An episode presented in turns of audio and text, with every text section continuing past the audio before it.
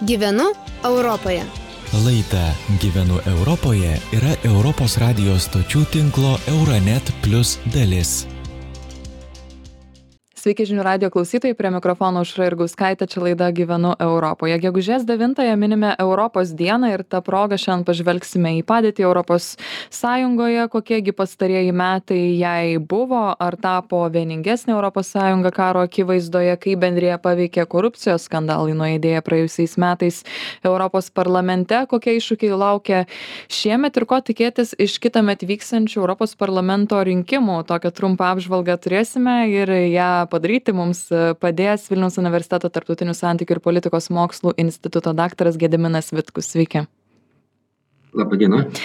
Tai apibendrinant žvilgsnį galbūt į pastaruosius e, metus, vienerius metus greičiausiai, kokiegi buvo jie Europai, e, tikriausiai karas vis tik buvo tas ryškiausias momentas keitas e, tam tikrą ES politiką, bet ką jūs išskirtumėte, ar tapo vieningesnė ES dėl įvykių Ukrainoje?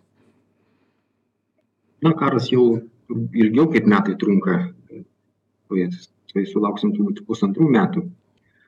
Na, o kalbant apie bendryją, kaip reikėtų čia dabar apibendrintai pasakyti, reiškia viena vertus lyg ir gyvenam kaip anksčiau. Mūsų kol kas nekrenta nei rusų bombos ir raketos, bet vertus pokyčiai vis dėlto yra labai. Nes jeigu iki šiol Sąjunga buvo ekonominis labiau blokas, na ir politinė sąjunga, dėl šito karo jinai tapo dabar labai svarbiu saugumo ir gynybos politikos veikėju, ko anksčiau tikrai nebuvo.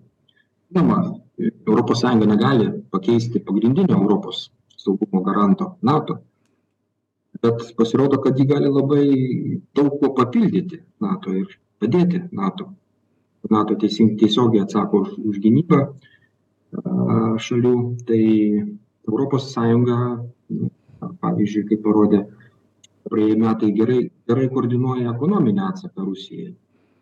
Koordinuoja pagalbos teikimą ukrainai. Humanitarinės bet pagalbos. Dar geriau ką sąjunga daro tai padeda valstybėms sąjungos valstybėms plėtoti gynybinius pajėgumus. Koordinuoja visą šitą dalyką. O tai yra ženklus ženklus indėlis į sąjungą kaip saugumo veikėją Taip, bet... Nu, Prašau.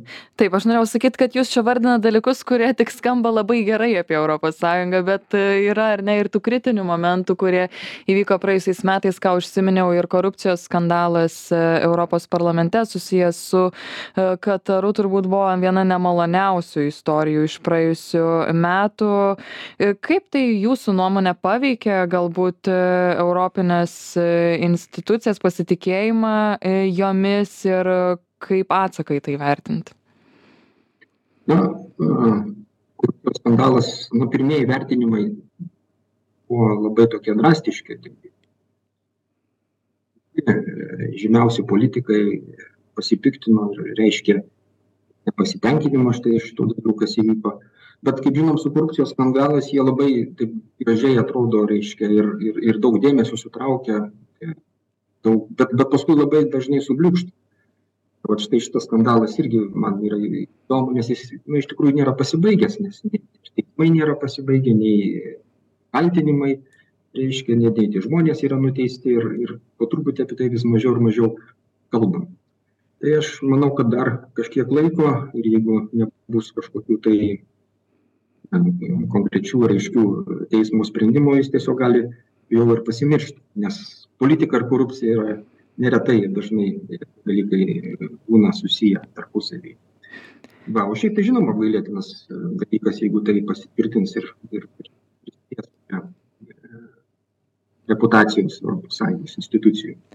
Na, paprastai tokios istorijos labai primenamos yra artėjant rinkimams. Tai apie juos, jeigu mestumėm žvilgsnį trumpai ateinančiais metais vykstančius Europos parlamento rinkimus, E, ir apskritai na vadovybė galbūt europos sąjungos e, tiek europos komisijos tiek galbūt net ir e, vadovų taryboje kaip sekasi jūsų nuomone galbūt koncentruojant labiau dėmesį į europos komisijos pirmininkę ursulą fon der lajen jai vadovauti europos komisijai tokiu na neapibrėžtu laikotarpiu vis tiktai ne tik karas bet ir ekonominė situacija dėl to yra e, kitokia ir palūkanos kyla ir panašiai. E, kaip jūs vertintumėt e, jos indėlį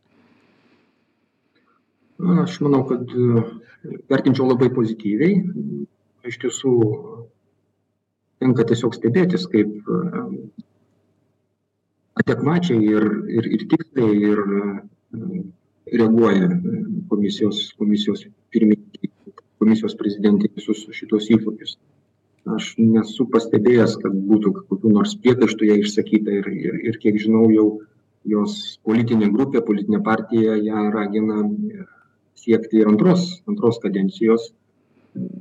Kiek žinau, jinai pat, pat, pati atsakymo šitam, ta pati nėra apsisprendimo jokio pareiškusi, bet gal netgi šiek tiek ankstoka apie tai kalbėti.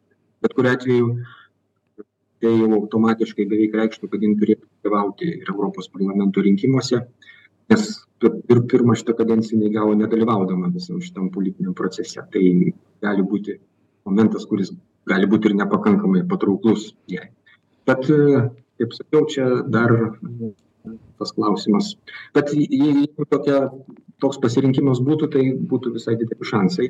Bet žinoma su sąlyga kad jos politinė partija gerai pasirodytų europos parlamento rinkimuose taip na vienas esminių įvykių turbūt i dar iš praėjusių metų žiūrint ir irgi vis dar nėra aiškus kuo gali baigtis. Na tikėkimės kad baigsis teigiamai tai dėl plėtros europos sąjungos. Kalbant buvo suteikti kandidačių į europos sąjungą statusai ukrainai ir moldovai bet vat iš šios dienos perspektyvos žiūrint jums atrodo tai kaip realūs žingsniai ar daugiau vis tik simboliniai buvo žengti? Kiek mes matome iš tikrųjų progreso padedant šioms valstybėms kelyje į bendriją dabar? Na, karas atgaivino iš tikrųjų Sąjungos plėtros politiką. Šitas kandidatų suteikimas šalims, kuriams ilgai šitas nebuvo siūloma, yra didelis naujas papildomas posūkis. Bet aš tai vis tiek manau, kad tai yra labiau simbolika, nes, kaip žinom, iš savo patirties stojimas į ES tai yra ilgas, sudėtingas procesas apimantis praktiškai visas viešosios politikos sritis. Mums pavyzdžiui prireikė ištiso dešimtmečio sutelkto darbo ir politinio konsensuso kad pasiekti šitą tikslą. O dabar kaip matom ukraina tiesiog neturi sąlygų normalių sąlygų tuo darbu užsiimti net ir labai norėdama. O moldovos situacija irgi nemažiau sudėtinga nors dabar valdžioje būt proeuropietiškos politinės jėgos bet nežinia ką atneš kiti rinkimai šioje tokia susiskaldžiusi visuomenė ir toli gražu nėra politinio konsensuso dėl tokio, tokio pasirinkimo. Taip. Bet kita vertus, jeigu mm, viskas klostysis gerai, tai ta perspektyva, žinoma, e, kažkada, kad tai baigsis laiminga pabaiga, yra visai tikėtina. E, šiais metais kaip jūs manote kokių dar na svarbių žinių projektų į ką atkreipti dėmesį verta formuojant europos sąjungos e, politiką? Na praktiškai iššūkių yra tiek kad e, jau būtų gerai kad daugiau papildomų nebeatsirastų. Tęsiasi reiškia konfliktas ukrainoje ekonomika stoja energetikos klausimai bus aktualūs na galbūt dar ko mes nepaminėjom tai migracijos problema irgi niekur nedingo. Reiškia ir konfliktai tarp valstybių narių ir ir ir europos komisijos nors ukraina suvienijo europos sąjungą didelėm dalim bet pavyzdžiui imkim lenkiją ir vengriją visiškai skirtingos pozicijos ukrainos atžvilgiu tačiau niekur nedingo jų konfliktas su europos komisija ir dėl visų gaunamų išmokų ir subsidijų ar iš europos sąjungos šitoms valstybėms dėl dėl jų teisės viršenybės pažeidinėjimų tebėra problematiškas taip kad darbotvarkė perpildyta Nu, žiūrėsim, kaip pavyks ją e, įvykdyti. Ačiū Jums labai už Jūsų skirtą laiką Vilniaus universiteto tartutinių santykių ir politikos mokslo instituto daktaras Gediminas Vitkus bendravo su mumis laidoje Gyvenu Europoje. Prie mikrofono dirbau aš Užra ir Gauskaitė. Įrašus rasit mūsų svetainėje žinių radijas.lt. Gražios dienos. Gyvenu Europoje. Laida Gyvenu Europoje yra Europos radijos stočių tinklo Euronet Plus dalis.